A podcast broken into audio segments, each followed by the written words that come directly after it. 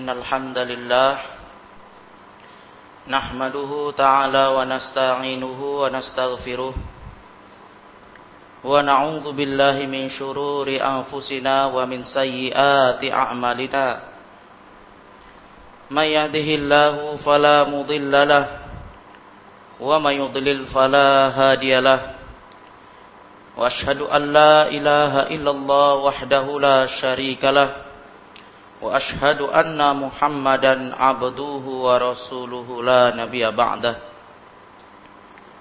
قال الله تعالى في كتابه الكريم يا أيها الذين آمنوا اتقوا الله حق تقاته ولا تموتن إلا وأنتم مسلمون يا أيها الناس اتقوا ربكم الذي خلقكم من نفس واحدة وخلق منها زوجها وبث منهما رجالا كثيرا ونساء واتقوا الله الذي تساءلون به والأرحام إن الله كان عليكم رقيبا يا أيها الذين آمنوا اتقوا الله وقولوا قولا سديدا يصلح لكم أعمالكم ويغفر لكم ذنوبكم وما يطع الله ورسوله فقد فاز فوزا عظيما فإن أصدق الحديث كتاب الله جل وعلا وخير الهدى هدى محمد صلى الله عليه وآله وسلم وشر الأمور محدثاتها فإن كل محدثات بدعة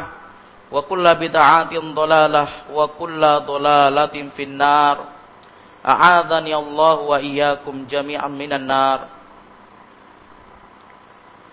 Ma'asyiral muslimin, jamaah Jumat yang dirahmati dan dimuliakan Allah Subhanahu wa taala. Marilah sama-sama kita memuji dan bersyukur kepada Allah Subhanahu wa taala. Mengingat begitu banyaknya limpahan nikmat dan rahmatnya yang telah Allah Subhanahu wa taala anugerahkan kepada kita semua. Yang menjadikan kita sebagai manusia yang benar-benar bertakwa kepada Allah, takut akan hukuman-hukuman Allah Subhanahu wa taala ketika kita melanggar larangan-larangan Allah Subhanahu wa taala.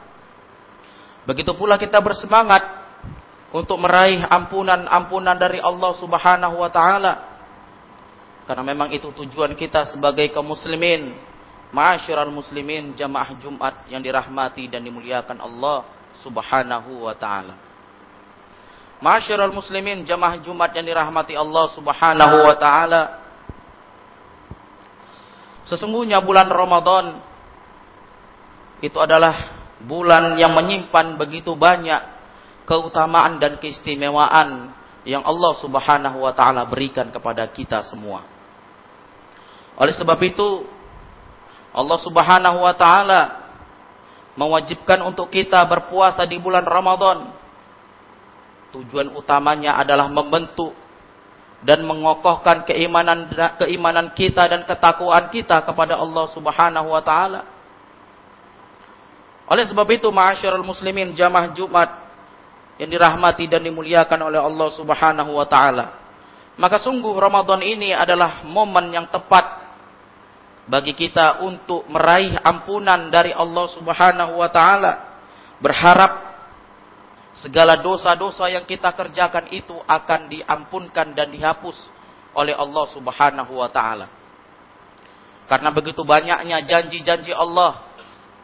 Allah Subhanahu wa taala akan melimpahkan kepada kita begitu banyak pahala ketika kita benar-benar mengerjakan amalan kebaikan terkhusus di bulan Ramadan ini yang itu penuh dengan keimanan dan ketakwaan dan keikhlasan kepada Allah Subhanahu wa taala. Masyiral muslimin jamaah Jumat dan dirahmati Allah Subhanahu wa taala. Mengingat begitu besarnya pahala yang Allah berikan ketika kita beribadah dan melakukan amalan kebaikan di bulan Ramadan. Begitu pula kebalikannya Allah Subhanahu wa taala sangat sangat marah ketika hambanya Ma'asyiral muslimin rahimakumullah, melakukan perbuatan-perbuatan dosa, melakukan perbuatan-perbuatan maksiat yang itu dikerjakan di bulan Ramadan. Artinya apa ma'asyiral muslimin ketika kita melanggar larangan Allah, maka dosa-dosa yang kita kerjakan itu akan berlipat nilainya di sisi Allah. Akan besar nilainya. Oleh sebab itu ma'asyiral muslimin jamaah Jumat yang dirahmati Allah Subhanahu wa taala Sepantasnya kita waspada terhadap diri kita, terhadap iman kita, agar kita tidak terus lalai, tidak terus ikut-ikutan atas apa yang dilakukan oleh syahwat kita, atas apa yang diinginkan oleh syahwat kita. Walaupun memang ma'asyarul muslimin syaitan di bulan Ramadan, walaupun diperkecil oleh Allah, gangguan mereka akan tetapi naam tujuan kita ditempa di bulan-bulan ini adalah untuk membina kesabaran kita untuk menyuburkan ketakwaan kita untuk taat kita kepada Allah Subhanahu wa taala. Masyurul muslimin jamaah Jumat yang dirahmati Allah Subhanahu wa taala. Maka di sini kita akan menyebutkan beberapa perkara-perkara yang mana ketika seorang hamba terjatuh ke dalam dosa, itu terkadang bisa nilainya berlipat-lipat di sisi Allah Subhanahu wa taala. Oleh sebab itu, ma'asyiral muslimin rahimakumullah. Tujuannya agar kita sebagai manusia selalu waspada, berhati-hati agar kita benar-benar membangunkan diri kita, menyadarkan diri kita. Begitu singkatnya Ramadan ini, Hendaknya di waktu-waktu seperti ini kita serius beribadah kepada Allah Subhanahu wa taala dan meninggalkan secara total seluruh perbuatan-perbuatan maksiat, seluruh larangan-larangan Allah Subhanahu wa taala. Karena memang maksiat dan larangan itu dapat merusak nilai ibadah kita kepada Allah Subhanahu wa taala. Walaupun itu kita lakukan di bulan Ramadan, akan tetapi nilainya bertambah besar bertambah asyad wa aglaf apabila kita lakukan itu di bulan Ramadan. Maka sebab-sebab itu ialah ketika seorang hamba itu melakukan perbuatan dosa atau perbuatan maksiat, kalaulah perbuatan maksiat itu diiringi dengan perkara-perkara memandang dosa itu remeh atau dosa itu sepele kita kerjakan, tidak memandang besar kecilnya dosa, maka di sisi Allah Subhanahu wa taala dosa ini akan semakin besar di sisi Allah Subhanahu wa taala. Sebagaimana Rasulullah sallallahu alaihi wasallam pernah ingatkan kita di dalam sebuah hadisnya yang mulia. Kata Nabi sallallahu alaihi wasallam dari sahabat Anas bin Malik yang dikeluarkan oleh Al Imam Al Bukhari, "Innakum la ta'maluna a'malan hiya adakum min a'yunikum min nasyar." Wa kunna wa in kunna na'uddu ala wa in kunna na'udduha ala ahadin Nabi sallallahu alaihi wasallam al-mubiqat. Kata Nabi sallallahu alaihi wasallam sesungguhnya kalian beramal suatu amalan kejelekan, kemaksiatan yang mana kalian anggap di hadapan mata kalian itu seperti lebih tipis daripada rambut. Dan sesungguhnya kami di masa kami, kata Nabi Shallallahu Alaihi Wasallam, kata sahabat ini, kami memandang dosa itu ibarat dosa-dosa besar. Ibarat dosa-dosa yang menghancurkan ma'asyiral muslimin. Ma'asyiral muslimin rahimakumullah. Maka lihatlah bagaimana sahabat semoga Allah meridhoi mereka semua, bagaimana mereka memandang dosa, bagaimana mereka menilai dosa. Karena dosa itu adalah sebuah kegelapan ma'asyiral muslimin. Dosa itu adalah kegelapan yang dapat mematikan hati, yang dapat mematikan segala apa-apa yang membuat kita taat kepada Allah Subhanahu wa taala. Kegelapan di hari kiamat, kegelapan di alam kubur kita, kegelapan di akhirat kita. Maka hati-hati masyarul muslimin dari dosa. Kalau kita dos, kalau dosa itu kita lakukan terus-menerus dan kita anggap dosa itu dosa kecil itu ringan, tidak dianggap dosa itu besar di sisi Allah Subhanahu wa taala, maka ketika itu pula dosa itu semakin besar nilainya di sisi Allah Subhanahu wa taala. Berkata Al-Imam Ibnu Mu'taz Al-Imam Ibnu Mu'taz pernah berkata, sebagaimana Al-Imam Ibnu Rajab Al-Hambali menukil ucapan beliau di dalam kitab Jami'ul Ulum wal Hikam. Apa kata Ibnu Mu'taz? Kata beliau, "Khallad dunub sigharaha wa kabiraha zakat tuqa." Kata beliau, tinggalkanlah seluruh dosa-dosa, apakah itu kecil ataupun besar. Itulah takwamu kepada Allah Subhanahu wa taala. Kemudian beliau berkata lagi, La tahkiranna sigharad dhunub, innal jabal minal haso. Kata beliau, janganlah engkau menganggap enteng, menganggap remeh dosa kecil. Sesungguhnya gunung itu tersusun dari batu-batu yang kecil. Artinya apa? Masyarakat muslimin ketika seorang hamba menganggap enteng, menganggap ringan dosa kecil. Kemudian dia terus menerus di atas dosanya maka akan semakin besar nilainya di sisi Allah Subhanahu wa taala, akan semakin besar akibatnya, dampaknya di dalam kehidupannya. Oleh sebab itu, ma'asyiral muslimin rahimakumullah, tidak sepantasnya bagi kita seorang mukmin lalai-lalai, lengah dari perbuatan-perbuatan ketaatan kepada Allah. Hendaknya kita semangat untuk mentaati Allah dan meninggalkan seluruh larangan-larangan yang dilarang oleh Allah Subhanahu wa taala karena memang kerusakan dan kehancuran itu akibat dosa yang kita kerjakan. Oleh sebab itu, masyarakat muslimin kita diingatkan oleh ulama kita, Bilal bin Sa'ad rahimahullahu taala sebagaimana yang diriwayatkan oleh Al-Imam Ibnul Mubarak dalam kitab Az-Zuhud, kata beliau, "La tanduru ila sigharil ma'siyah, walakin tanduru ila ilaman asaita." Kata beliau, janganlah engkau pandang kecilnya dosa, akan tetapi pandanglah siapa yang engkau maksiati. Maka dengan nasihat ini ma'asyarul muslimin kita teringat bahwasanya sekarang siapa yang kita maksiati?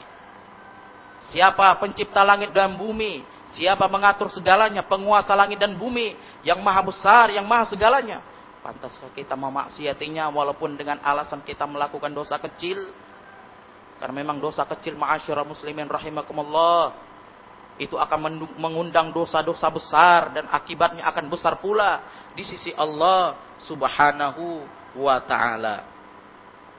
Allah Subhanahu wa taala pernah ingatkan kita di dalam Al-Qur'an. Allah Subhanahu wa taala katakan man jaa'a bis-sayyi'ati fala yujza illa mithliha. Barang siapa yang datang membawa keburukan, berbuat keburukan, kemaksiatan, maka itu tidak akan dibalas oleh Allah Subhanahu wa taala kecuali balasan yang semisalnya. Sesuai dengan kadar yang semisalnya. Tapi ingat ma'asyara muslimin. Kalau dosa itu kita lakukan, kita kerjakan. Naam, dalam kondisi terus menerus. Dalam keadaan terus menerus. Maka itu akan nilainya besar di sisi Allah subhanahu wa ta'ala. Nah kemudian yang kedua ma'asyara muslimin rahimakumullah. Ketika kita melakukan perbuatan dosa, na'udzubillah. Maka dengan dosa itu kita kita bersenang-senang dengannya. Kemudian kita berbangga-bangga dengan dosa yang kita lakukan. Maka sungguh masyarakat muslimin, kondisi orang-orang seperti ini adalah orang-orang yang memang mereka diberikan nikmat Allah subhanahu wa ta'ala. Tapi nikmat itu adalah azab untuknya. Itulah dia istidraj masyarakat muslimin.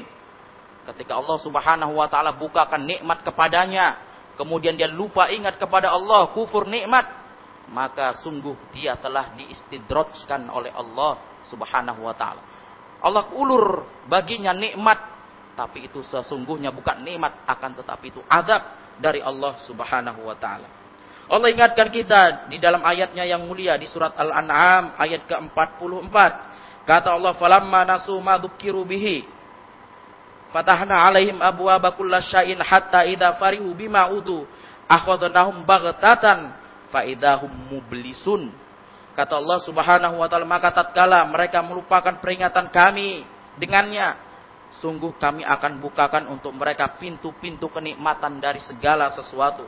Hatta idza farihu sampai mereka gembira senang dengannya atas nikmat tersebut wa kemudian akhadnahum Kemudian kami adab mereka, kami siksa mereka bagtatan dengan sekonyong-konyongnya. Faidahum mublisun. Kemudian mereka dalam kondisi itu terdiam dan berputus asa. Maka lihatlah ma'asyar muslimin. Ketika seseorang sudah di, diistidrotskan oleh Allah Subhanahu wa taala dengan dia tidak melupakan, dengan dia melupakan nikmat Allah, tidak ingat kepada Allah Subhanahu wa taala, Allah berikan kelapangan nikmat kebalikannya tapi itu bukan nikmat sesungguhnya. Tak akan tetapi itu adalah adab dari Allah Subhanahu wa taala. Maka kita berlindung kepada Allah Subhanahu wa taala. Kita mohon kepada Allah Subhanahu wa taala agar kita di bulan Ramadan ini kita tidak disia-siakan dari setiap amalan yang kita kerjakan. Kita di, tidak disia-siakan dari waktu-waktu dan kesempatan umur yang Allah Subhanahu wa taala berikan kepada kita. Karena Rasulullah Shallallahu Alaihi Wasallam pernah mengingatkan kita yang diriwayatkan oleh Al Imam Ibnu Khuzaimah, Imam Ahmad dan Imam Baihaqi dan Imam Bukhari dalam kitab Adabul Mufrad dan hadis ini disahihkan oleh Syekh Al Albani dari sahabat Abi Hurairah radhiyallahu taala anhu. Beliau bercerita bahwasanya Rasulullah Shallallahu Alaihi Wasallam raqiya mimbar. Nabi Shallallahu Alaihi Wasallam pernah naik mimbar. Fakola kemudian Nabi berkata amin sampai tiga kali. Kemudian para sahabat pun bingung dan mereka bertanya kepada Nabi Shallallahu Alaihi Wasallam, "Ma kunta tasna hada ya Rasulullah?" Engkau sebelumnya belum pernah melakukan seperti ini ya Rasulullah. Ada apa ya Rasulullah? Kemudian Rasulullah Shallallahu Alaihi Wasallam menjawab dari tiga perkara itu salah satunya itu adalah Qala li Jibril maka Jibril berkata kepadaku raghima ab, amfu abdin dakhala alaihi Ramadan thumman salakha falam yughfar lah.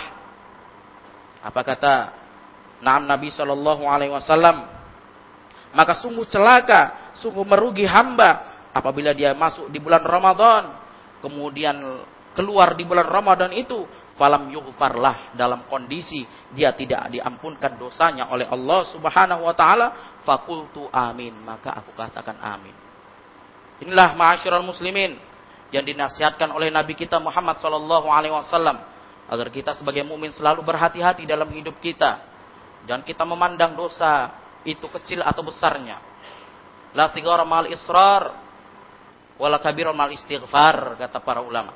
Ya, tidak ada dosa kecil kalau dia itu terus-menerus dilakukan dan tidak pula dosa besar kalau tidak diiringi dengan ampunan, minta ampun kepada Allah Subhanahu wa taala dan, dan bertaubat dari segala apa yang dia kerjakan. Wallahu taala alam bisawab. Aku lu qauli hadza wastaghfirullah li wa lakum wa lisairil muslimin wal muslimat fastaghfiru innahu huwal ghafurur rahim.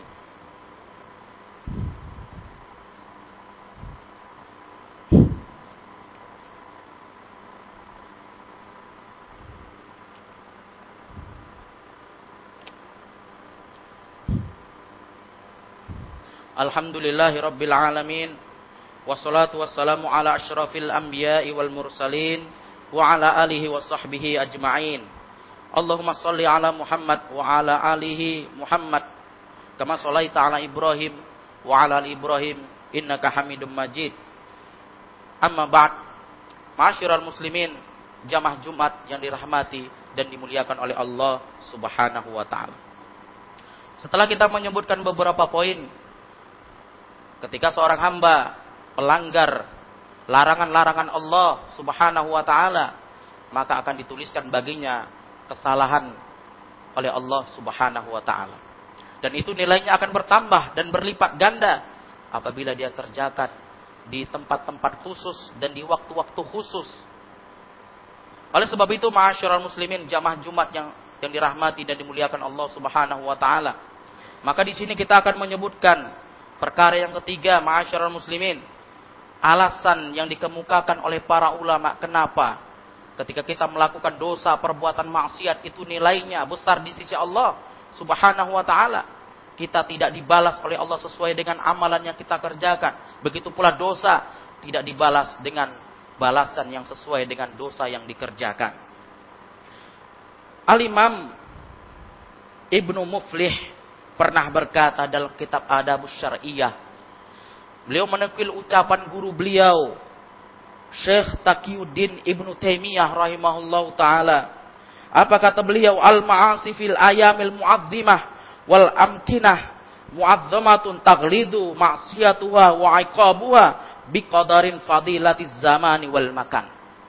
Kata beliau, beliau berkata dalam kitab Adabu Syariah di jilid ketiga di halaman 430, Kata beliau, maksiat-maksiat yang dikerjakan di hari-hari yang mulia, kemudian di tempat-tempat yang mulia, maka taglidu maksiatuha wa iqabuha, maka akan semakin berat, maka semakin besar nilainya di sisi Allah Subhanahu wa taala biqadarin dengan kadar biqadarin fadilati zaman wal makan, dengan kadar keutamaan waktu dan tempat-tempat tersebut.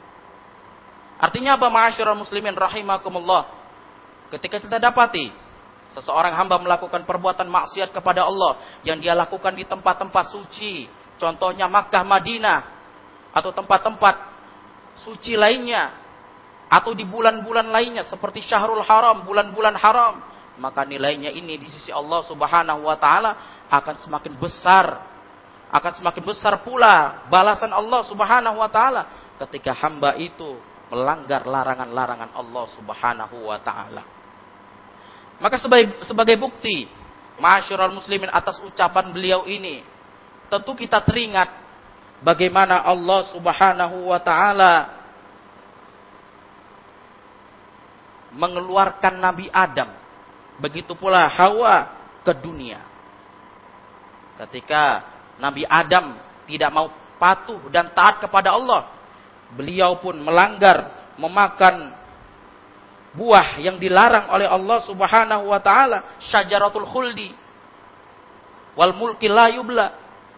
Maka ketika itu pula Allah Subhanahu wa taala mencampakkan Nabi mengeluarkan Nabi Adam ke dunia dari surga. Kata Allah Subhanahu wa taala mengenang ayat tersebut Allah Subhanahu wa taala pernah berfirman di dalam Al-Qur'an Kata Allah Subhanahu wa taala di surat Al-Baqarah ayat 120 sampai 122. Kata Allah fawaswasa ilaihi syaitanu qala ya Adamu hal adulluka ala syajaratil khuldi wa mulki la yubla. Fa'akalahuma minha fabadat lahuma sawatuhuma wa tafiqa yakhsifani alaihima mi warakil jannah. Wa asa adam rabbahu fagawa. Thumma jatabahu rabbuhu fataba alaihi wa hada. Kata Allah Subhanahu wa taala di dalam ayat tersebut maka syaitan pun membisikkan kepada Nabi Adam bahwasanya mau kutunjukkan kepadamu pohon kekekalan dan kerajaan yang tidak binasa. Kemudian maka Nabi Adam pun fa'akala minha, maka Nabi Adam pun memakan keduanya, memakan darinya. Fabadat selahuma, maka seketika itu pula nampaklah sawatuhuma aurat keduanya. Wa tafiqa yakhsifani alaihima. Kemudian keduanya pun langsung menutupi auratnya dengan min warakil jannah dari dedaunan di surga. Wa aso Adam rabbahu fagawa, maka Adam pun bermaksiat kepada Rabbnya dan dia tersesat Jatabahu rabbuhu fataba alaihi. Kemudian Allah Subhanahu wa taala memilihnya dan menerima taubatnya dan Allah Subhanahu wa taala memberikan petunjuk kepadanya.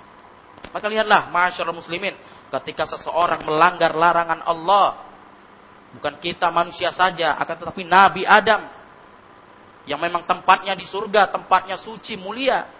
Tapi lihatlah ketika memaksiati Allah, melanggar perintah Allah, untuk tidak memakan makanan dari syajaratul khuldi maka Allah Subhanahu wa taala mengeluarkannya dari surga dan Allah Subhanahu wa taala menetapkannya untuk tinggal di dunia.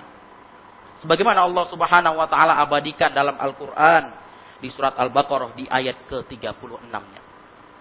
Nah, begitu pula Masyurul muslimin jamaah Jumat yang dirahmati dan dimuliakan Allah Subhanahu wa taala. Alasan kedua yaitu adalah ketika seseorang melanggar atau berbuat maksiat kepada Allah Subhanahu wa taala, maka sungguh orang seperti ini telah merusak dan mengenodai kehormatan syahrul Ramadan. Tidak menghormati bulan Ramadan, tidak menghargai bulan Ramadan. Bagaimana tidak masyarakat muslimin ancaman besar Allah Subhanahu wa taala bagi orang-orang yang dia tidak naam yang main-main di bulan Ramadan, terkhusus bagi yang mereka sengaja berbuka di siang Ramadan. Allah siksa mereka dengan Allah Subhanahu wa taala balikan tubuhnya. Kemudian nanah darah mengalir dari mulutnya. Itulah ancaman yang keras bagi mereka yang berbuka sengaja di siang Ramadan.